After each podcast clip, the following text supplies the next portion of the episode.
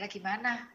Uh, sudah selesai dengan yang keinginannya itu kemarin, yang uh, beban ya, ingin pulangnya gimana?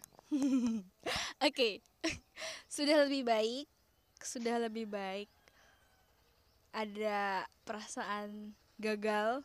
Aduh aku gagal nih, aduh. Aduh aku gagal nih, aku gagal. Aduh aku gagal. Terus ada perasaan, ih, aduh pengen nyerah deh. Aduh, aduh kayaknya aku nyerah deh. Bukan lebih aku pengen nyerah, tapi kayak aku jadi mengakui, ih ternyata aku mudah menyerah ya.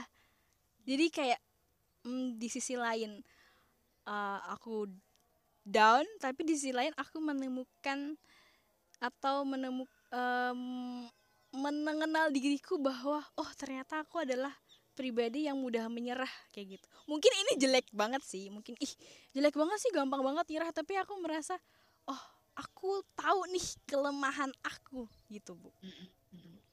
Terus aku sempat sharing ke temanku kayak duh gimana nih? Kayak terus kayak buat mengakui bahwa kamu mudah menyerah itu uh, bukan sesuatu yang buruk kayak gitu loh. Banyak orang kayak nggak pengen dibilang nyerah atau mungkin nggak susah untuk ngomongin itu gitu sih bu jadi sudah lebih baik sih bu nggak kayak kemarin-kemarin tuh kayak aduh gimana nih kayak gitu uh gitu terus hmm, bu uh, ya.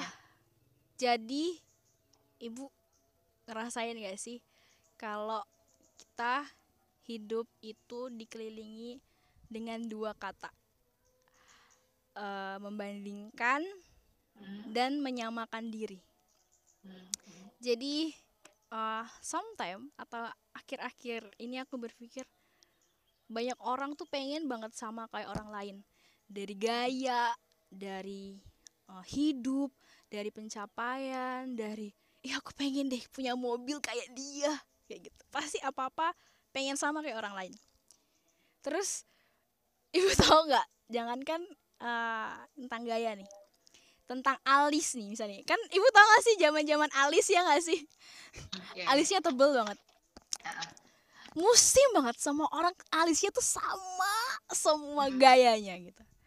Semua orang tuh sibuk menyamakan diri gitu kan. Terus aku mikir ya kan semakin ke sini kan banyak banget tuh bu uh, apa sih orang-orang pada demo tentang healing dan pasti mengaitkan kepada membandingkan. Kamu tuh jangan banding bandingin dirimu sama orang lain. Kayak gitu. Terus aku mikir nih orang-orang kok aneh ya? Orang-orang tuh sibuk nyamain dirinya sama orang lain. Biar sama kayak orang lain. Tapi di sisi lain mereka itu banding bandingin aja. Ih aku kurang deh aku kurang deh. Kayak sometimes hidup kita itu cuma tentang menyamakan dan membandingkan dengan orang lain kayak gitu. Gitu. Yes. ibu gimana pendapat ibu? Ya jadi sebenarnya kan kita tanpa kita sadari kita itu perlu uh, kita itu pengamat ya. Iya betul bu. Kita itu pengamat dan kita itu perlu perlu role model. Ah, iya iya iya iya iya iya Bu. Karena kita kecuali kita uh, kalau kalau para kalau para perhatikan ya dari sekian banyak orang yang punya ide brilian untuk membuat model baru itu kan nggak seberapa dibandingkan dari yang ikut hmm. ikut iya benar bu nah dari situ makanya nggak heran kalau akhirnya orang itu mengamati, membandingkan, aku pengen seperti itu. Role modelnya itu yang dilihat gitu. Capaiannya akhirnya bukan capaian dari apa yang menjadi ide-idenya sendiri, keinginannya sendiri, uh, bakat minatnya sendiri, tetapi dia lebih melihat kepada orang lain, capaiannya dari orang lain itu. Ya, makanya nggak salah akhirnya membandingkan, menyamakan. Tapi ibu pernah nggak sometimes melakukan hal kedua hal tersebut? Iya. Pasti pernah ya. Saya, kita semua pasti ya. pernah ya, Bu. Iya, betul. Menyamakan sama membandingkan Ibu lebih sering apa? Kalau membandingkan uh, menyamakan dan membandingkan. Hmm. Sebenarnya kalau dikatakan lebih sering apa, aku rodok sulit. Rodok sulit kuantitasnya lebih banyak mana ya. Karena itu sesuatu yang mau tidak mau dilakukan sih. Hmm maksudnya begini ketika membandingkan tuh begini uh, contoh kecil saja ibu-ibu kalau saya beli di toko ini harganya segini tapi kalau ini harganya segini gitu ya. Itu kan membandingkan nih. Jadi kayaknya lebih positif aku ketika di sini deh. Oke deh berarti aku ke sini. Atau kalau itu berkenaan dengan role model tadi. Ketika saya bertemu dengan orang ini secara positif dia ini ini ini. ABCD positif. Tapi EF-nya nggak positif nih tapi ketika saya bertemu dengan orang ini ABCD-nya nggak positif tapi EF-nya positif oke saya ambil ABCD dari orang ini EF-nya ambil dari orang yang satunya nah jadi kalau dibilang mana lebih banyak aku rada sulit menjawabnya hmm. jadi hmm. bisa dibilang mungkin balance sekali kalau ibu Iya ya bisa ya karena nggak nggak jauh beda sebenarnya membandingkan dan menyamakan hmm. gitu kan. tapi kalau menyamakan mungkin orang-orang aku pengen sama ident- seperti dia uh -uh, sama atau meneladani kalau bahasa halusnya yeah, mungkin yeah, ya bu yeah, yeah. terus uh, kalau tadi dengerin ibu ngomong nih kalau ibu tuh seimbang menyamakan dan membandingkan. Terus aku mikir dong oh berarti sebenarnya menyamakan dan membandingkan tuh bukan hal yang buruk? Kayak balik lagi sesuatu tuh kalau berlebihan tuh malah buruk. Jadi sesuatu yeah. yang cukup itu malah lebih baik balance kayak yeah. gitu. Nah bu uh, sometime mungkin banyak orang berlebihan berlebihan membandingkan lebih tepatnya sih bu. Kalau menyamakan ya semua orang pasti kalau menyamakan tuh pasti lebih kepada tren. Kayak gitu. Kalau membandingkan pasti semua orang membandingkan. Dan itu pasti usut punya usut itu akan ketarik kepada uh, rasa iri. Jadi gak cuman mudah menyerah tapi aku juga kok aku kayak gini kenapa ya? Aku tuh mencari tahu kan walaupun susah kalau kalau kita merefleksikan sesuatu atau mencari tahu kan harus berpikir kan. Berpikir kan harus kayak oke okay, kita harus tenang. Ini sesuatu yang tidak mudah terus aku hmm. aku tuh kenapa? Kayak gitu. Terus oh aku menemukan satu kata. Oh ternyata tuh aku tuh iri kayak gitu. Hmm. Ibu pernah nggak ngerasain iri? Pernah dong. Bohong kalau saya nggak pernah. Iya ya bu. Bu kenapa kita tuh ngerasa iri ya bu? Terus bu ini sebelum ibu jawab. Kemarin aku tuh ditampar gara-gara nonton video di Instagram. Dia bilang kayak gini kita tuh ngapain iri? Iri sama berkat yang Tuhan kasih buat orang lain. Kayak gitu loh. Kayak sometimes iri tuh karena kita melihat hasil dari orang itu tapi nggak ngelihat bahwa itu tuh sebenarnya berkat dari Tuhan juga sama kita juga iya. bakal dapat berkat dari Tuhan gitu gitu nah ibu nih tadi jawab pertanyaan bara bu ya Kenapa kita iri, Bu? Jadi yang pertama dulu, uh, sebenarnya iri itu bisa dikategorikan negatif dan positif. Hmm. Negatif, Contohnya, Bu? Oke, negatif kalau iri itu menjadi sesuatu yang akhirnya merusak. Dalam arti itu tadi ya, aduh, uh, dia bisa ini loh, aku nggak bisa sih. Uh, maksudnya dia punya ini, aku kok nggak punya. Wah, bagaimana caranya supaya aku bisa punya itu? Nah, membuat uh, dengan cara-cara yang akhirnya tidak me, tidak baik supaya bisa dapat itu. Apa ya kalau contoh ya, misalnya anak-anak uh, ini sekarang lagi tren HP terbaru apa? Aku pengen punya itu, iri nih dan sebagainya. Atau mungkin kakaknya dapat ini, adiknya dapat tidak dapat itu. Nah, akhirnya yang dilakukan adalah ya kalau dia menabung bisa membeli itu, tapi kalau merusak mm -hmm kamu nggak dapet tok eh aku nggak dapet tok kamu yang nggak dapet tak rusak aja nah misalnya itu iri yang mengarah kepada negatif adalah iri yang merusak baik itu merusak orang itu orang lain yang kita iri nih hmm. gitu ya. atau merusak diri kita sendiri lalu kalau iri yang positif itu iri yang memotivasi ketika kita tahu dia lebih baik nih wah eh, IP-nya segini aku nggak bisa segitu wah, mana nih nah memotivasi untuk kita uh, menyamakan tadi ya, memotivasi untuk kita menyamakan dengan dia supaya kita bisa seperti dia. Awalnya dari iri dulu. Tuh, jadi kalau kalau kita nggak bisa menyalahkan juga ada orang yang kamu iri, iri nggak selalu identik hmm. dengan sesuatu yang negatif.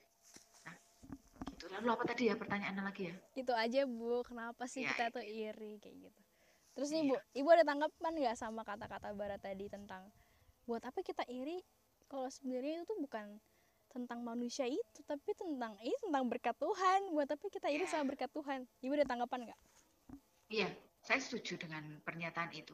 Karena Tuhan punya ukuran terhadap kita masing-masing. Hmm. Baik itu ukuran berkat, ukuran kepercayaan, ukuran talenta karunia, bahkan ukuran persoalan, permasalahan.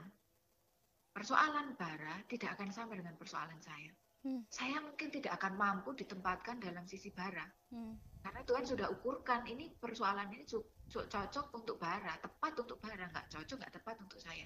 Demikian pula sebaliknya. Berkat yang bara terima nggak bisa eh, disamakan dengan berkat yang saya terima. Karena mungkin eh, ini misalnya ya, wah bara dalam situasi di satu tempat yang membutuhkan membutuhkan fasilitas ini, sedangkan saya di suat- suatu tempat yang tidak membutuhkan fasilitas itu, masa saya mau sama dengan bara? Hmm. Jadi setuju saya dengan pernyataan itu. Kita masing-masing punya berkat masing-masing, punya ukuran masing-masing, dan kita harus bersyukur setiap hari. Nah, ini bisa masuk saran nih ke teman-teman nih. gimana bu saran apa bu Tuliskan satu saja kata syukur atau kalau enggak satu dua ya, dua kata syukur setiap hari. Hmm. Apa pun yang kamu terima, baik itu eh, kesulitan maupun berkat. Cobalah eh, tuliskan kata syukur karena kita kalau nggak nggak diajak begitu kita lupa loh dan cenderung bersungut-sungut. Praktek deh, nanti kalau ditulis begitu nanti pasti hidup kita lebih berwarna dan tidak akan iri. Tapi- negatif. tapi ibu udah pernah nyobain belum Udah. Berapa lama tuh bu ibu mencoba itu bu Saya membiasakan ini 100 hari. wow mantap ibu Iya. mantap Ini satu Kak, kebetulan saya suami dan beberapa teman kita mau kita memang harus ada itu tadi ya support system Mhm. komunitas itu ya. Berangkat dari menuliskan ucapan syukur. Awalnya itu sesuatu mungkin yang kata orang ah sepele banget ya cuma gitu aja gampang. Tapi ketika saya menjalani hari-hari saya tuliskan itu eh iya ya luar biasa Tuhan. Ya ampun. Bahkan ketika ada persoalan itu syukur Tuhan aku kok dapat seperti ini. Tapi dari kata itu akhirnya saya tidak halo ibu tidak iri. ah iya oke bu Iya. terus tadi kan ibu ngasih contoh nih tentang uh, HP baru terus tentang apa menyamakan oh bukan HP baru ding tentang IP jadi usaha untuk menyamakan mungkin lebih kepada menyamakan itu image yang baik itu adalah membuat kita be better ya nggak sih bu? Iya, lebih baik tapi bukan berarti kita sama seperti orang lain tapi Mhm. membuat kita lebih baik. Nggak harus Iya. jiplak untuk sama seperti orang lain. Nah nih bu setiap orang kan diciptain berbeda-beda beda banget detail banget sumpah. Itu ini udah berapa banyak manusia yang hidup di dunia ini dan Tuhan kasih cerita yang berbeda-beda. Mungkin uh, alurnya hampir sama tapi dengan cerita yang berbeda-beda. Iya. terus eh jadi Bara tuh bukan tipe orang yang suka menyamakan diri sama orang lain gitu loh bu. Kayak misalkan ngerjain tugas. Kayak aku kayak gini nih kamu kayak gimana? Ya kayak gini. Kok kamu gak kayak gini sih ya aku pengennya kayak gini nih. Menurut aku versiku ini lebih baik kayak gitu. Gitu bu. Tapi tidak menampik bahwa mungkin banyak orang tuh kayak pengen menyamakan diri sama seperti orang lain. Kayak Iya. gitu. Tanpa mereka sadari kadang-kadang aku sebel ih kita kan beda-beda gitu loh orang. Kayak kenapa sih harus sama kayak orang lain? Kayak gitu. Setiap orang kita pasti kita punya caranya kita masing-masing tapi kenapa ada aja orang yang kayak pengen sama kayak orang lain kayak gitu. Kadang-kadang sebel bu kayak ini orang apa nggak punya pendirian apa gimana sih kadang-kadang Iya, sebel iya. gitu kan bu terus di sisi lain banyak banget sekarang ketemu teman-teman yang seumuran kayak membanding-bandingkan anak sulung anak bungsu tuh kayak gini anak kedua tuh kayak gini apalah apalah kayak gitu kayak Prototype ya. ah terus terus iya emang kita beda kita tuh emang diciptain beda terus ngapain dibanding bandingin kayak gitu Ya. loh kayak emang kita diciptain berbeda kayak gitu loh. Kadang-kadang kita nggak mau disama-samain. Kok kamu nggak bisa sih kayak dia?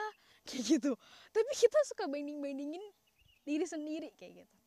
Nah kalau pendapat ibu gimana nih? Sama orang yang kayak dia tuh nggak bisa ngelihat bahwa kamu tuh berbeda dan dan kamu tuh bisa mengembangkan dirimu seperti yang kamu mau. Nggak perlu jadi orang lain nggak perlu membandingkan dirimu dengan orang lain gitu. Jadi yang pertama kita perlu tahu bahwa kita itu unik. Ya kan? Tadi Bara sudah sampaikan kita tuh beda semuanya beda. Kita tuh unik. Orang yang punya pemikiran seperti itu tapi dia belum menyadari keunikannya. Belum kenal sama dirinya ya bu? Tuh, dia belum kenal sama dirinya siapa siapa sesungguhnya dia, apa yang uh, yang bisa dia lakukan gitu ya. Dan sesungguhnya berarti dia masih belum bisa menerima dirinya. Kok bisa, Bu? Ya, karena gini, ketika dia tidak tahu, tidak tahu kondisinya.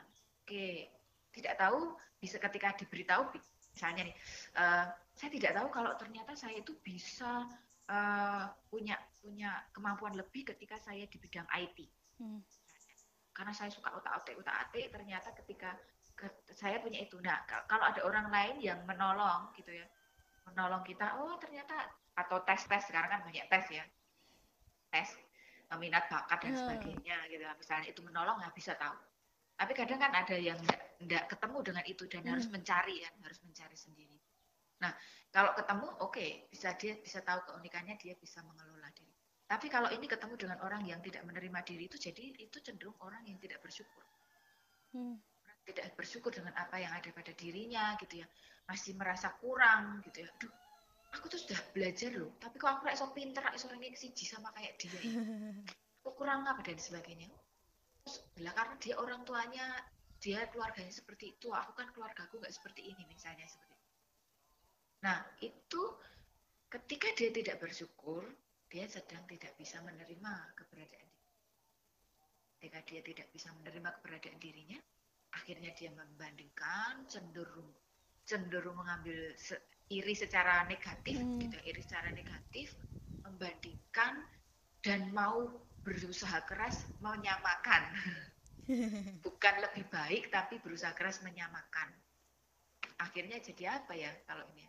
ya jadi nggak punya pendirian hmm. dia jadi nggak punya uh, nggak punya capaian ke depan sebenarnya mau seperti apa untuk dirinya enggak karena capaiannya berdasarkan orang itu bukan berdasarkan dia sendiri dan itu kalau seperti itu ah kasihan itu nanti kalau itu terjadi di dalam masa depannya dia akan sulit sulit menemukan dirinya sulit menemukan potensinya dan dia uh, cenderung menjadi pengikut Hmm. Nah, itu akan sulit. Bisa dibayangkan ya. Nah, Jadi itu Bu, kan aku di sekolah itu nggak tahu sejak SMP itu nggak tahu pasti jadi adalah jadi leader gitu kan Bu. Terus suka emang aku merasa mungkin itu salah satu ambisiku ya jadi leader.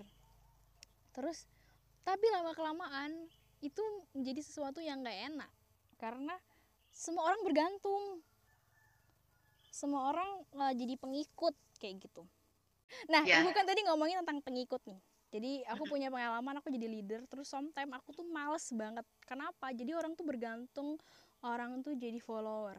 Tapi nggak menampik bu. Emang ada orang kan yang emang basicnya itu adalah seorang follower. Ya nggak sih bu? Ya yeah. tapi mungkin buat teman-teman yang sekarang jadi follower uh, tetap harus sadar kalau punya kendali penuh. Jangan sampai jadi follower dalam segala hal gitu sih nah bu uh, kalau menyamakan membandingkan itu pasti gak jauh-jauh untuk uh, meningkatkan kualitas hidup kualitas diri kayak gitu terus kalau ngomongin hidup pasti nggak jauh-jauh dari ngomongin kompetisi atau perjalanan. Gimana pendapat ibu tentang kompetisi dalam hidup?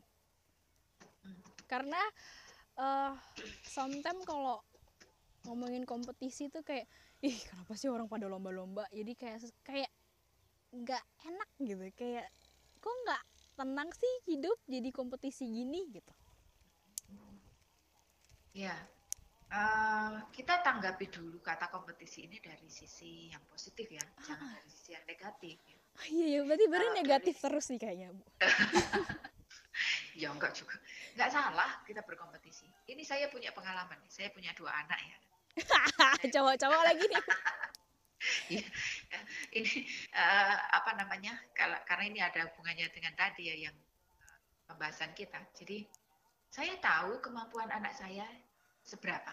Anak saya nomor satu dan anak-anak saya nomor dua.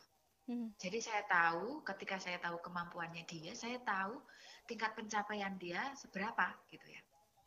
Ketika ada sesuatu yang saya merasa anak saya ini kok tidak sesuai dengan tingkat pencapaiannya, saya bukan mendorong dia untuk oh, khusus belajar tenan orang yang satu misalnya itu enggak, enggak, gitu. enggak. Jadi kalau memang dia tidak sesuai dengan tingkat pencapaiannya uh, diarahkan betul kamu harus mas harus kenapa kok nggak sesuai nggak masuk nih harusnya bisa sampai pada tahap ini tetapi kenapa nggak bisa bukan untuk sama dengan orang lain hmm. saya tidak menuntut untuk dia sama dengan orang lain gitu. tetapi bagaimana sebenarnya kamu itu tahu bahwa kamu itu mampu tapi nggak bisa nah itu Beda lagi dengan anak yang satunya.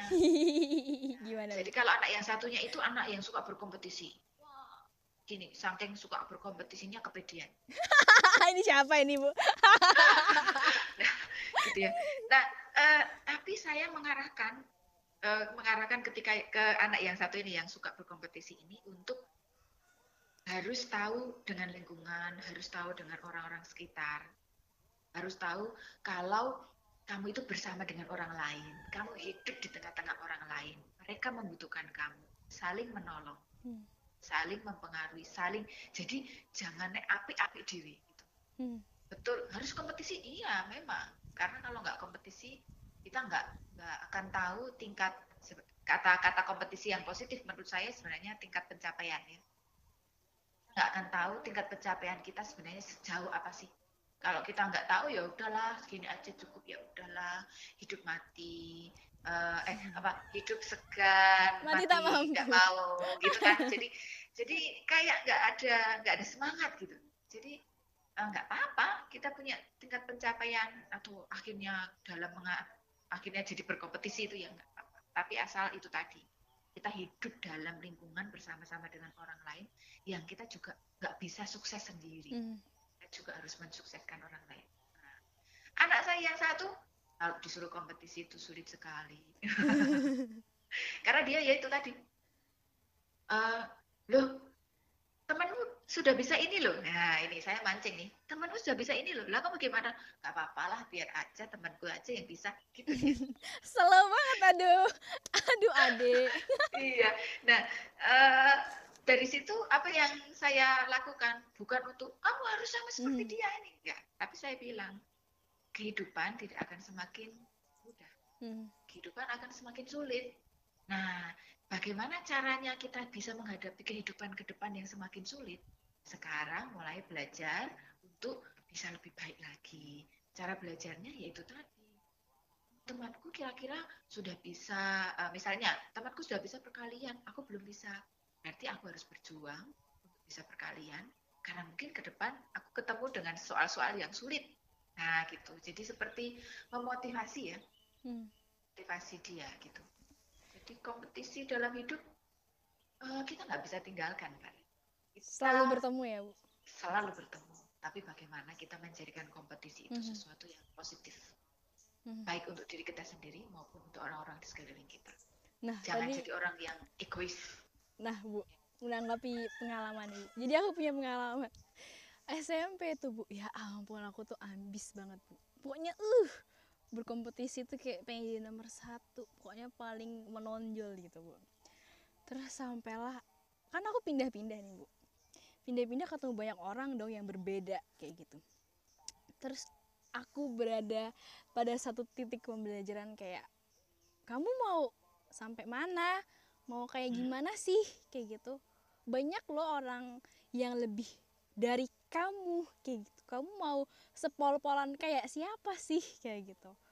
Kayak gitu. Terus kalau kamu ikutin terus tuh hmm, gak bakal ada habis-habisnya loh kayak gitu malah bikin kita tuh jadi lupa sama diri sendiri karena ngejar apa yang yang wah, wah orang ini bagus nih orang ini bagus aku harus ikut kayak gitu kan. Iya. terus sampai pada akhirnya kayak wah aku nggak bisa nih kalau ambis terus kayak gini. Maksudnya kayak ada harus menikmati uh, versi lain kayak gitu sampailah jadi kayak ambis masih tapi kayak berkompetisi kayak uh, setiap orang tuh pasti berkompetisi tapi kompetisi kita tuh berbeda-beda dalam hal yang berbeda-beda. Jadi kayak kita nggak bisa jadiin patokan kita dalam kompetisi yang sama. Kayak gitu sih bu. Mantap. Nanti ini nanti ini dihubungkan dengan prototipe anak nomor satu loh. aduh jangan bu. Berat bu. Ini ngomongin orang banyak kalau anak nomor satu. Oke. Ah oke bu. Terima kasih buat hari ini Oke. uh, untuk pelajarannya tentang menyamakan, membandingkan, iri, terus uh, berkompetisi. Ya nggak bu? Ya kan itu kan bu? Iya. Oke. Jadi semoga teman-teman uh, yang sedang berjuang merawat hidup, ya kan, mungkin menem- menemukan beberapa hal ini setiap hari, semoga bisa melihat mereka secara positif. Ya nggak bu? Iya. walaupun mungkin uh, banyak hal yang negatif yang ada di depan mata tetap berusaha untuk berpikiran positif tapi emang ya bu berpikiran positif tuh bukan hal yang mudah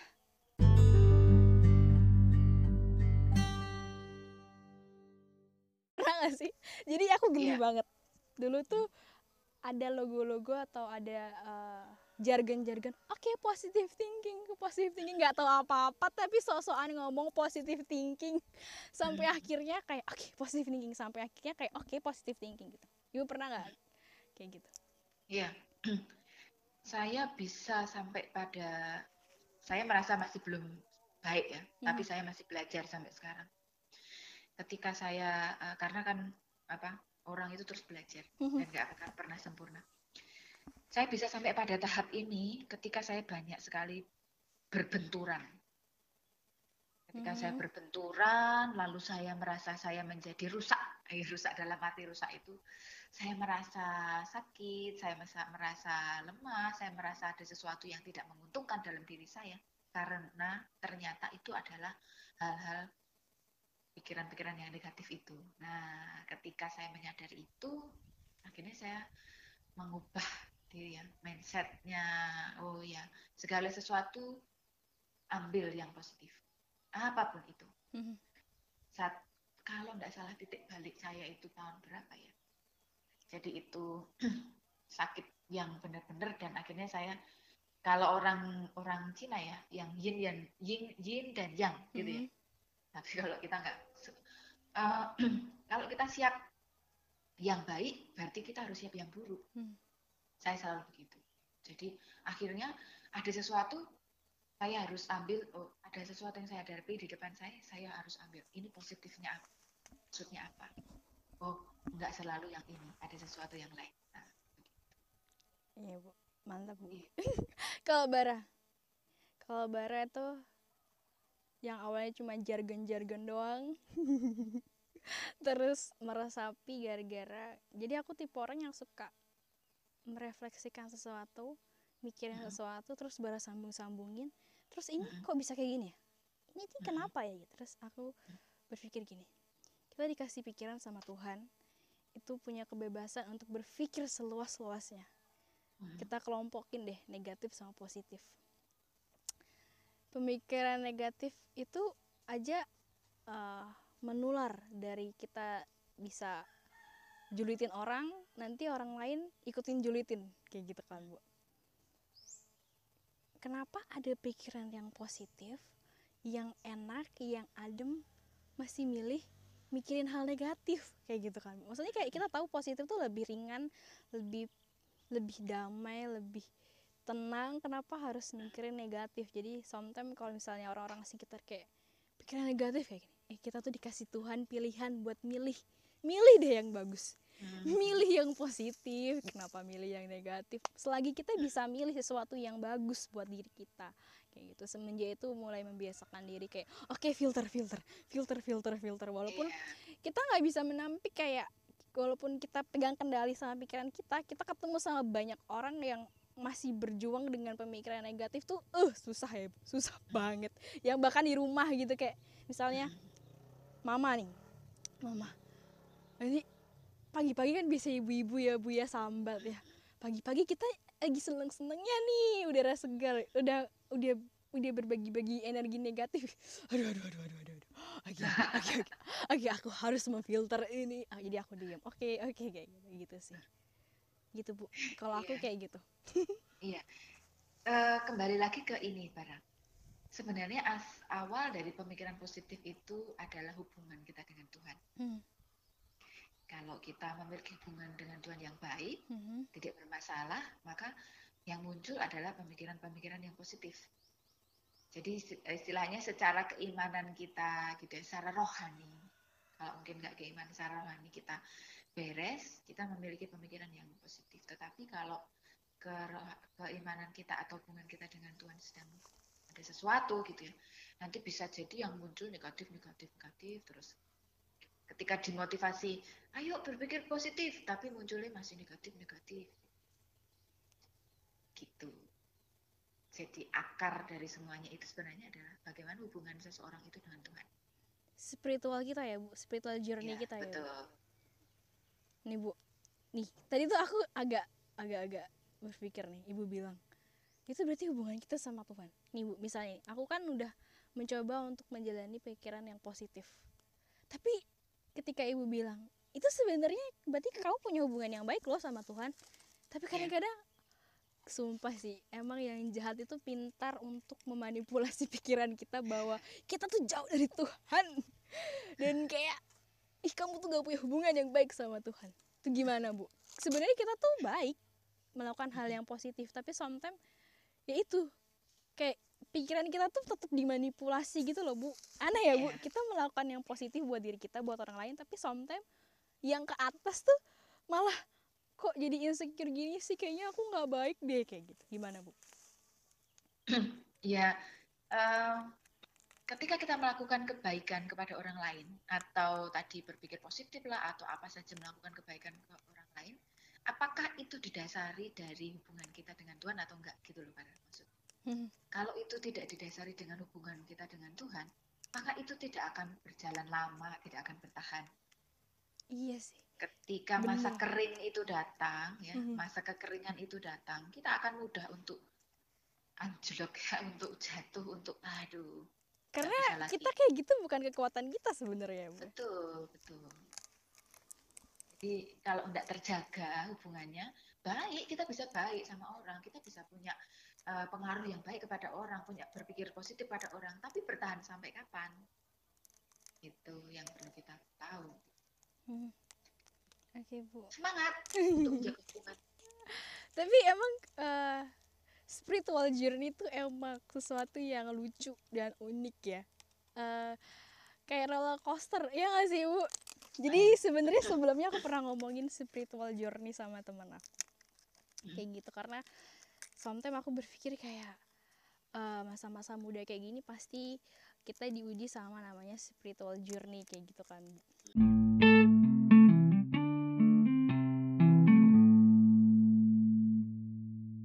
kasih buat hari ini.